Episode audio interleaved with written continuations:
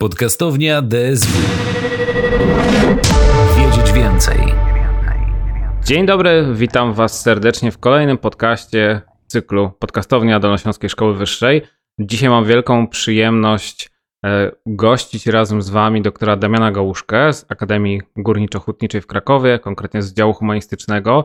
E, mój gość jest w polskim gamingu i w ogóle dla polskich graczy znany również jako jeden ze współtwórców corocznego raportu o kondycji polskiego gamingu, ale również jest już od, e, no nie wypominając Ci Damianie, od e, dłuższego czasu kojarzony jako e, ekspert od Silver Gamingu i właśnie dzisiaj o tym Silver Gamingu sobie opowiemy. Witam Cię serdecznie. Cześć i witam wszystkich słuchaczy. Damian, słuchaj, no musimy tak naprawdę powiedzieć zacząć od początku właściwie. E, jak w najprostszy sposób możemy zdefiniować silver gaming? No, zaczynasz od e, paradoksalnie trudnego e, pytania. Wiem. Pytasz mnie o, o definicję takiego zjawiska, które no, jakby w skali powiedzmy ogólnoświatowej, w tej zachodniej refleksji naukowej zostały już wielokrotnie przebadane i opisane. U nas w na naszym polskim poletku mm, jest tym trochę gorzej, stąd też to moje zainteresowanie tą no, tematyką, ponieważ chciałem tę wiedzę, tę, tę lukę wiedzy jakoś wypełnić, ale to może o tym później, o badaniach i wynikach. Natomiast wracając do Twojego pytania z pojęcia silver economy, które e, no, wskazuje nam na jakiś rodzaj działalności gospodarczej związanej z życiem, funkcjonowaniem osób starszych. No i tutaj podobnie ten gaming i, silver, ta zbitka słów mm, wskazuje nam, że chodzi nam o e, jakieś tam korzystanie z gier cyfrowych przez osoby mm, starsze, tak zwanych właśnie srebrnych graczy. No ale ta trudność polega na tym, że mm, pytając mnie o to, trochę mnie pytasz jednocześnie o kwestię definicji w ogóle starości albo e, tego, albo przedziałów wiekowych, kiedy zaczynają się kolejne mm, etapy e, w cyklu życia człowieka. No i tutaj już jest mm, temat taki bardzo grząski, ponieważ e, w zależności od, od instytucji, od definicji, ta linia demarkacyjna między powiedzmy tą dorosłością, dojrzałością, a starością może być postawiona w nieco innym miejscu. No zazwyczaj to jest 60 e, rok życia, coraz częściej 65, 65 rok życia. E, akurat ja w swoich badaniach też z takich przyczyn pragmatycznych przyjąłem, że takim e, srebrnym graczem będzie osoba, która no, kończyła 60 lat. Natomiast no, mm, generalnie takim makrospołecznym procesem, który za to wszystko odpowiada, e, czyli proces demograficznego starzenia się społeczeństw sprawia, że przybywa nam e, ludzi w e, czwartym, nawet czasem się już mówi o piątym wieku, czyli osób bardzo wiekowych, stulatków, ludzi, którzy żyją dłużej niż 100 lat, no i też te nasze, mm, te nasze granice pomiędzy dorosłością a starością stają się bardziej płynne. E, no bo jak pewnie sobie doskonale zdajesz sprawę, e, jakby zupełnie był inny jakby status e, i perspektywy życiowe 60-latka 100 lat temu, a w dzisiejszych realiach, prawda? Niektórzy nawet twierdzą, że obecnie 60 jest nową 30. To jakby tak pół żartem, pół serio pokazuje nam też uświadamia te, te wszystkie przemiany społeczne. E, więc tak, no jakby cyber gaming to jest e, po prostu zjawisko sięgania mm, po gry cyfrowe różnie definiowane e, mm, przez właśnie osoby starsze, które też możemy sobie e, tutaj mm, definiować jako młodsze lub nieco starsze, w zależności od tego, jakie sobie kryteria przyjmiemy do tej, do tej definicji. No wiesz co, y, nie chciałbym e, być e, złośliwy, ale niektórym tuzom naszego e, polskiego game devu, a już na pewno niektórym tuzom światowego game devu, to niedługo chyba będziemy mogli przypiąć łatkę silver designu, bo wiekowo no, zaczynają tak. się do tego zbliżać. No ale właśnie. Zawsze, słuchaj, możemy zawsze mówić o Nestorach gamingu. o, tak, to lepiej brzmi. Nie brzmi Nestorzy. Dokładnie, ale yy, wiesz co, yy, jest z tym, yy, z tym, o czym powiedziałeś, jest związana taka kwestia, która nie ukrywam, e, bardzo mnie, mm, bardzo mnie ciekawi. To znaczy, w jednym z raportów dotyczących właśnie polskich graczy, e, opublikowanym w połowie 2020 roku, e, pojawia się taka informacja, że blisko 15% polskich graczy niezależnie od, od, od platformy, to są osoby po 55 roku życia. Jest to dość mhm. sporo. E, jest to dość sporo odsetek. My wiemy doskonale, że no, jako społeczeństwa, tak jak powiedziałeś, się starzejemy.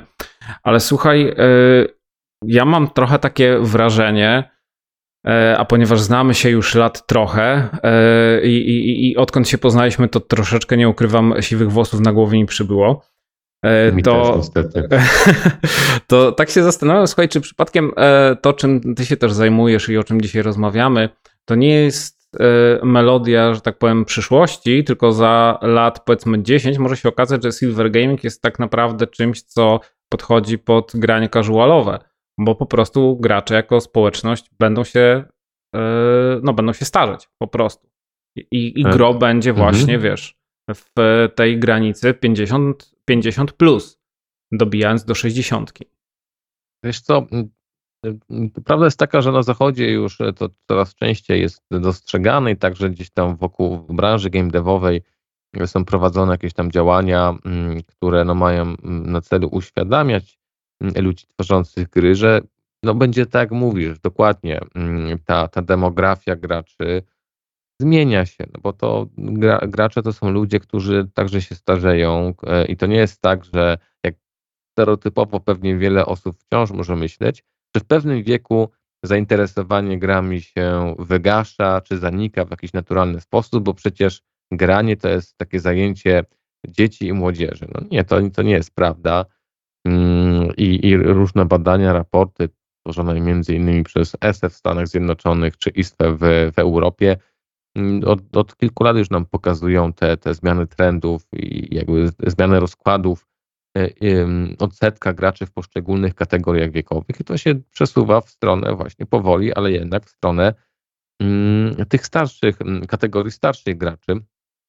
E, I nawet y, pewnie niewiele osób sobie zdaje z tego sprawę, ale zdecydowana większość dzisiaj graczy na świecie, w Stanach czy w Europie, to są osoby pełnoletnie, osoby dorosłe, coraz starsze.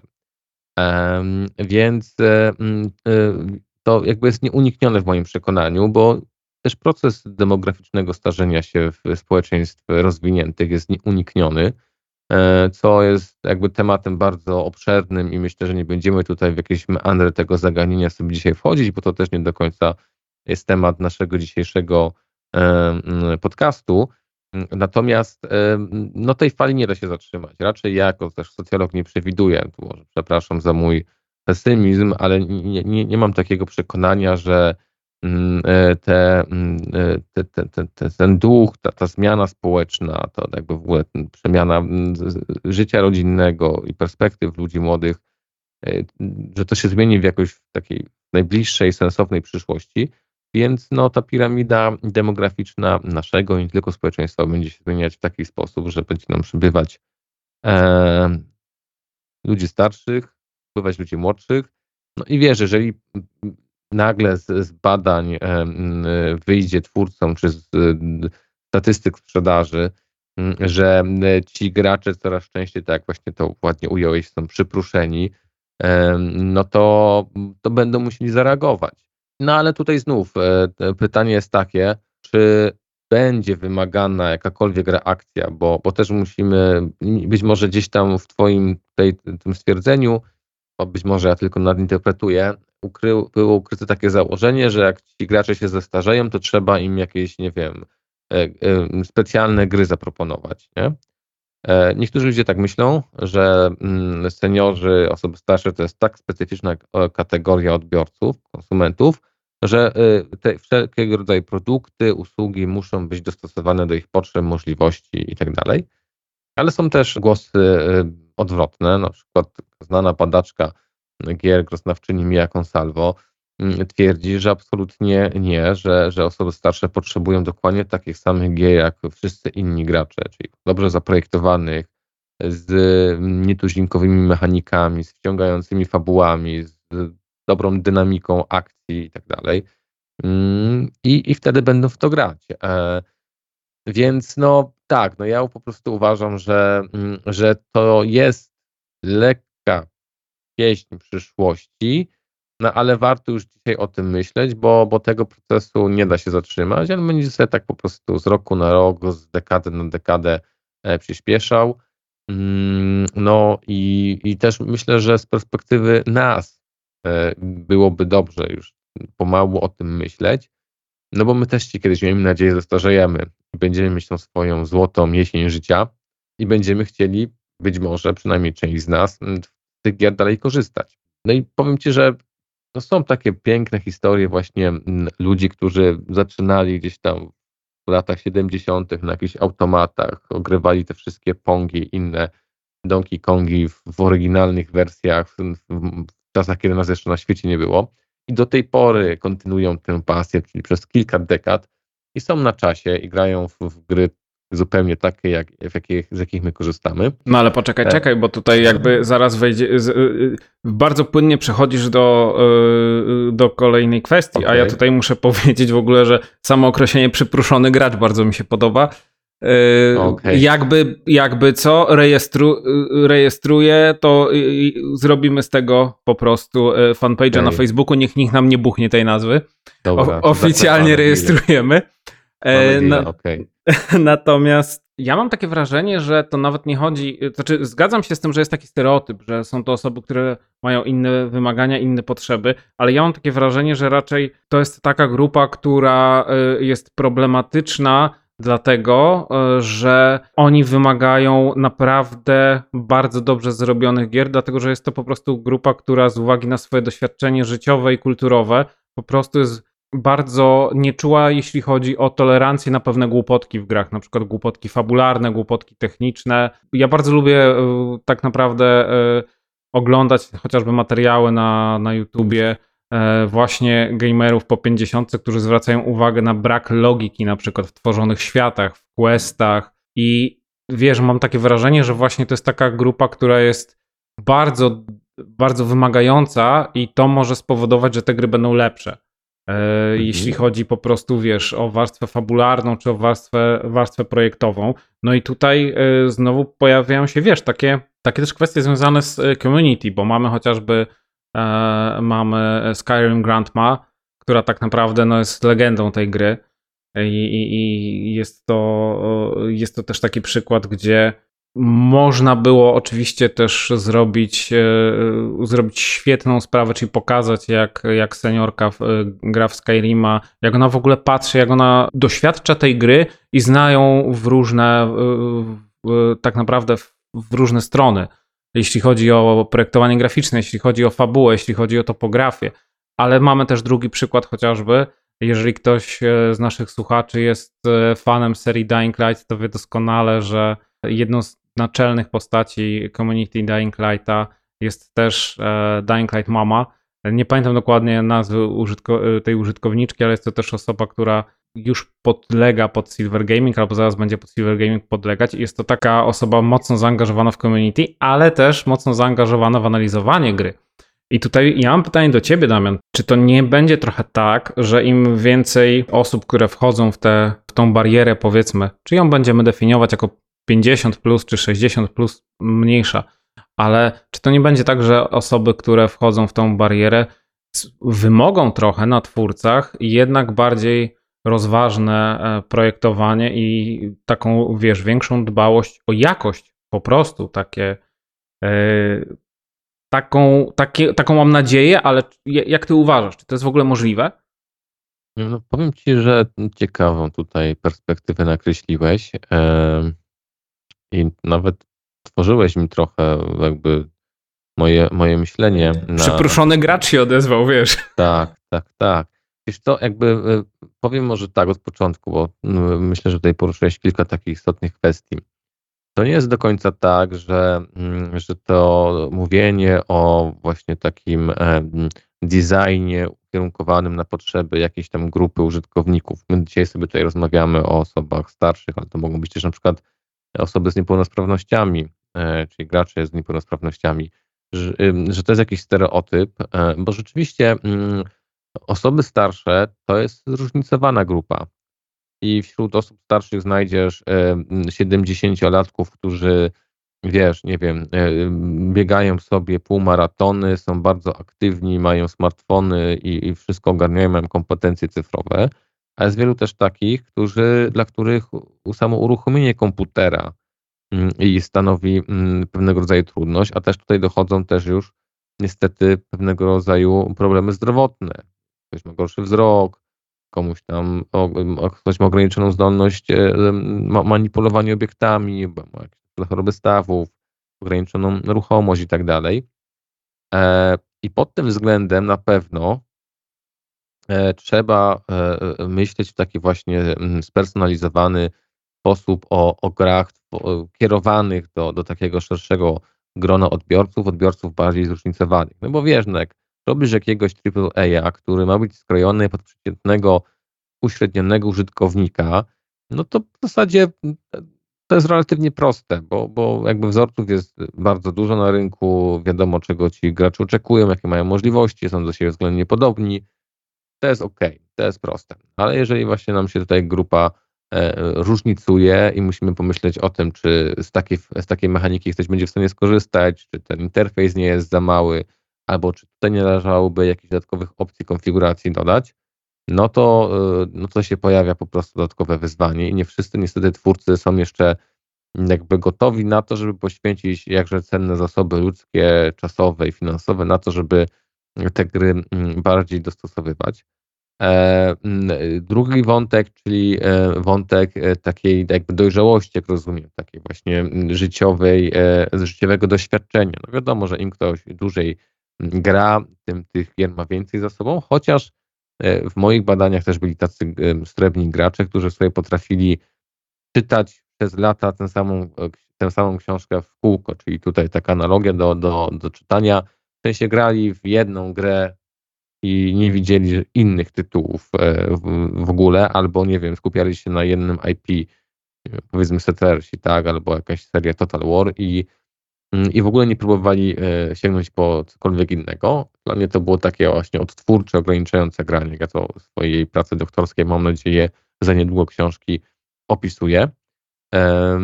Więc, e, więc ten komponent doświadczenia może odgrywać jakąś, jak, jakąś rolę, jeżeli to oczywiście będą tacy gracze, którzy są faktycznie zaangażowani e, w tę pasję i będą tymi grami żyli, będą też angażowali się w jakiegoś, jakiegoś rodzaju formy Mm, oddziaływania. Bo jeżeli to będą tacy gracze, którzy wiesz, no właśnie mają tę swoją jedną ulubioną gierkę albo serię gier i, i w zasadzie tylko do tego się ograniczają, no to, no to wtedy nie wydaje mi się, że, że będą, nawet jeżeli byłoby takich e, graczy więcej, że będą oni w stanie jakąś tam zmianę na rynku wygenerować. No ale tutaj też jest taki ciekawy wątek i tym się mniej zajmowałem w swojej pracy, bo bardziej się skupiłem na graczach, na właśnie odbiorze gier, tego, że y, sami twórcy się starzeją. No i, i mm, myślę, że e, ta perspektywa na gry, też w ogóle myślenie o projektowaniu gier, o tym, jakie gry powinny być, e, z wiekiem się jednak zmienia, no bo, no bo nabywamy tych doświadczeń życiowych, pewnej mądrości życiowej,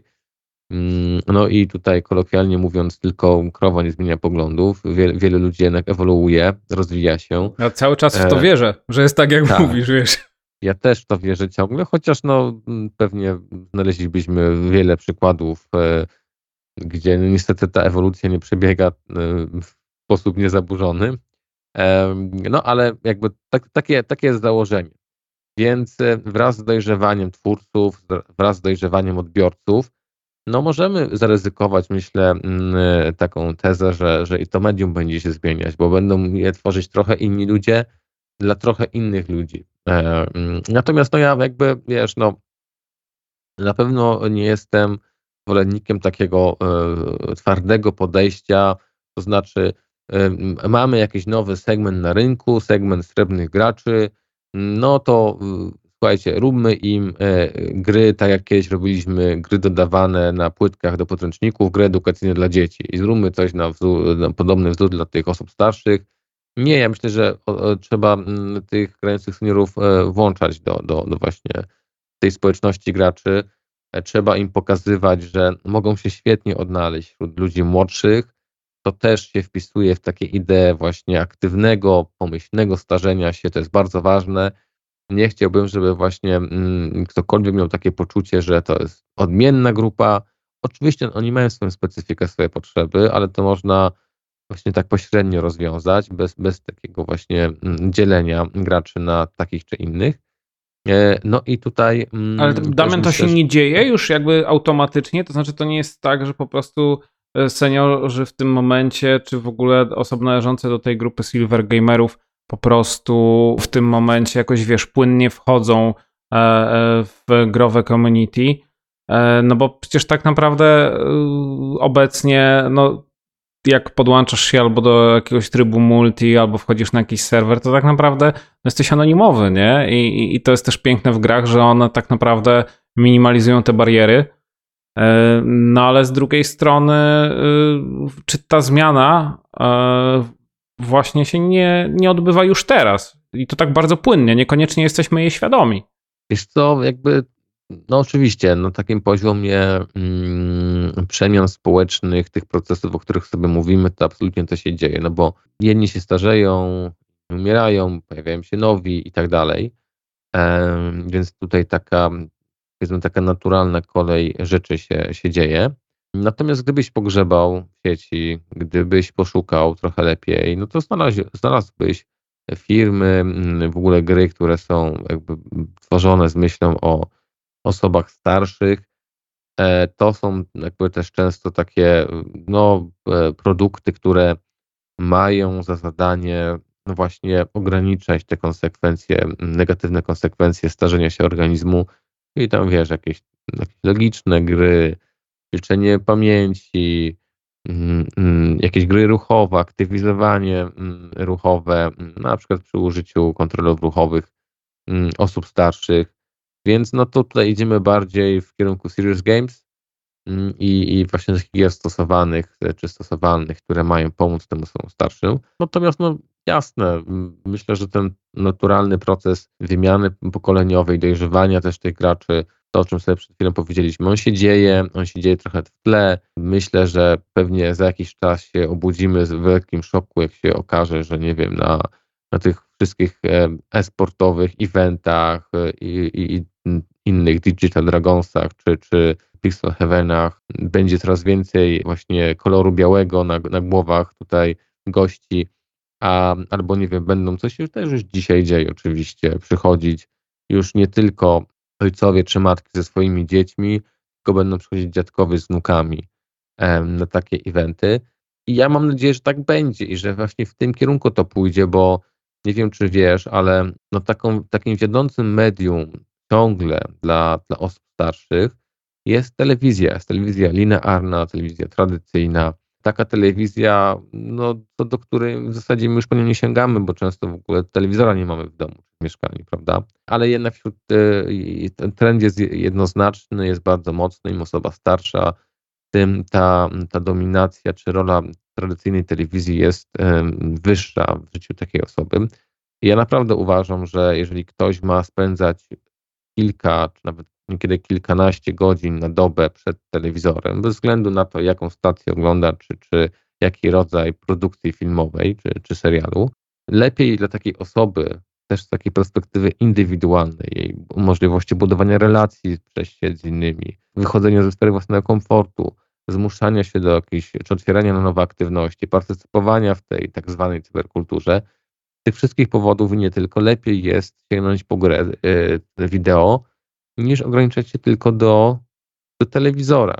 Więc ja bym sobie absolutnie życzył, żeby te zmiany zachodziły i, i myślę, że one będą zachodzić i że zawsze będziemy mieli słuchaj, pewien problem z, z tym, że ta kultura w warstwie materialnej, czyli te wszystkie technologie, oprogramowanie w tym gry, mm, jak to przed mm, no już ponad 100 laty e, określił pewien amerykański socjolog William Ogburn, to wszystko będzie jakby zawsze do przodu trochę w stosunku do tej kultury niematerialnej, czy właśnie naszych przekonań, wyobrażeń, jakichś tam systemów akcji normatywnych, kompetencji.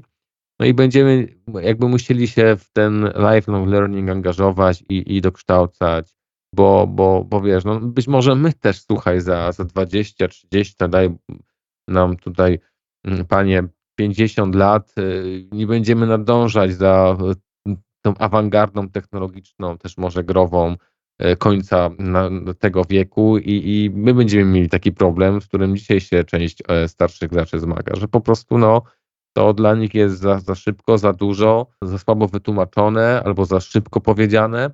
No ja w ogóle myślę, że, że generalnie starsi gracze to są zupełnie te sami gracze jak my, tylko czasem po prostu potrzebują troszkę więcej czasu na, na to samo, żeby osiągnąć ten sam efekt w grze. Więc, no, więc jakby ucinając tutaj mój wywód w tym miejscu stwierdzę, że to się dzieje, będzie się działo i, i jestem tutaj jakby, jeżeli nic się złego nie zadzieje po drodze, oby nie, to, to w tym kierunku w moim przekonaniu te wszystkie zmiany społeczne właśnie idą, czyli takiej powolnej dominacji, przesunięcia w kierunku starszych graczy. I mam nadzieję, że twórcy, też polscy twórcy gier to jak najszybciej zauważą, bo to też jest ich, w ich własnym interesie, takim rozumianym czysto e, ekonomicznie.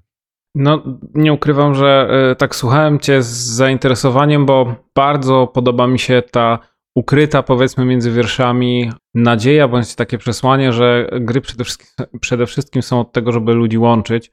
To nie ukrywam też bliskie i, i gdzieś tam mojej wizji tego medium, ale też tego, o czym mówiliśmy w poprzednich podcastach. Ale Damian, myślę, że słuchacze by mi nie wybaczyli, a i ja sam sobie bym nie wybaczył, gdybym nie zadał ci na koniec takiego pytania, które chyba ciekawi wielu z nas. Już się boję.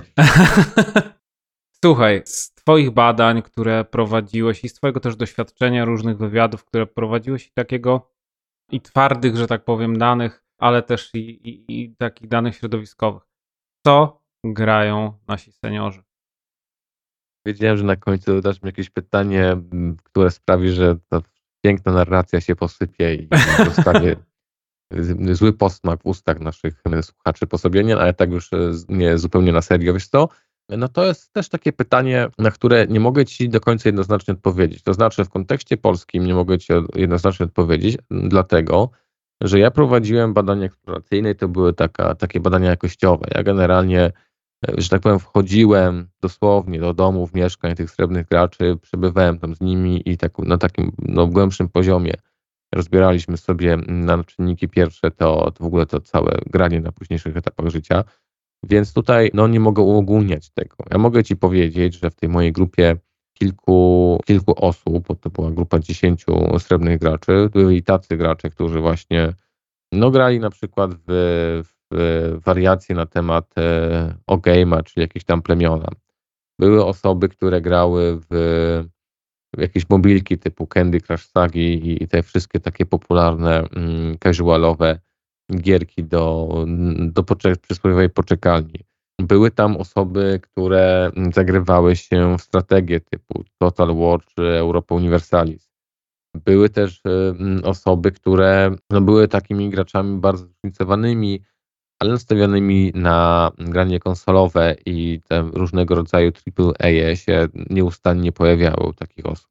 Mam tu na myśli e, serię Assassin's Creed, serię GTA, Red Dead Redemption, czyli po prostu takie gry z, z czołówek, e, że tak powiem, gazet i rankingów. Mniej było na pewno, i to jest taka ogólna tendencja, która też była wykazywana w innych badaniach, powiedzmy ilościowych, robionych na szerszą skalę niż, niż moje analizy. Mniej jest wśród osób starszych takich gier nastawionych na rywalizację, szczególnie na, na rywalizację PvP, czyli właśnie pomiędzy graczami. Nie jest takich gier, które mm, wymagają albo mocno osadzone na dynamicznej akcji. Mam na myśli e, wszelkiego rodzaju shootery sieciowe. Oczywiście takie e, osoby starsze mm, e, grają w takie gry, też są w stanie rywalizować z młodszymi graczami. Nawet powstawały już srebrne esportowe zespoły i ci ludzie na całkiem fajnym poziomie coś tam sobie grali. Już nie pamiętam dokładnie w co ale są też takie sytuacje, kiedy osoba starsza, no z racji pewnych swoich ograniczeń, czy nie nadążania za tymi młodszymi graczami w jakiejś sieciówce, no niestety styka się z agresją słowną, z, z atakami, no i czasem takie osoby albo są y, zniechęcone do, te, do, tego stopnia, że przestają grać sieciowo, albo szukają sobie ludzi podobnych. No i znajdziesz w internecie takie wspólnoty wirtualne, gdzieś tam fora internetowe, gdzie właśnie lądują takie no, mm, zrażone osoby, no i między sobą właśnie coś tam sobie grają i tam też znajdziesz cały przekrój gier, łącznie z, z tymi najważniejszymi seriami AAA-ów y, i też odmiennych gier pod względem gatunkowym. Więc gdybym miał tak podsumować, to mm, na pewno osoby starsze, no statystycznie powiedzmy, w jakimś mimo wszystko uproszczeniu i uogólnieniu jednocześnie, są mniej skłonne do takiej bezpardonowej rywalizacji w grach. Rzadziej tego szukają. Też nie, niekoniecznie e, potrzebują takiej wysokiej dynamiki rozgrywki w grach. Nie zawsze im to odpowiada, bo czasem jest dla nich mm, no, trudne i, i potrafią się gubić w takich sytuacjach, ale znajdziesz srebrnych graczy wśród użytkowników w zasadzie każdego gatunku czy rodzaju gier cyfrowych. Tylko pewnie tutaj e, wszystko się rozbija o proporcje, no ale ja po prostu, tak powiem, nie chcę tutaj, jak mimo wszystko, za, za przeproszeniem badasz, wchodzić w dywagacje. Jeszcze nie wiem, jak te proporcje dokładnie wyglądają, ale może kiedyś, jak się uda jakiś fajny grant napisać albo dobre finansowanie zdobyć na takie badania, to sprawdzimy dokładnie, jak te proporcje się rozkładają i wtedy się spotkamy jeszcze raz i Ci udzielę bardziej wyczerpującej odpowiedzi.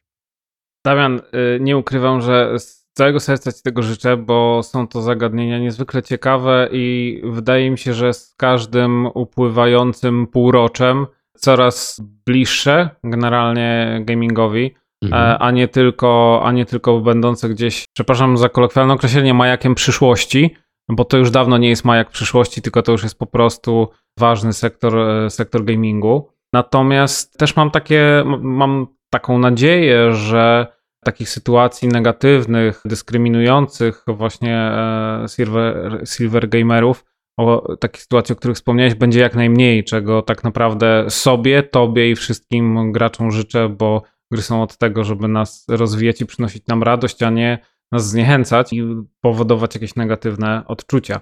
Damianie, bardzo Ci dziękuję za dzisiejszą rozmowę, za udział w podcaście. Moi drodzy, moim i Waszym gościem był dzisiaj dr Damian Gałuszka, Akademia Górniczo-Hutnicza w Krakowie, Wydział Humanistyczny, badacz, socjolog, specjalista od Silver Gamingu i od kondycji polskiego game devu.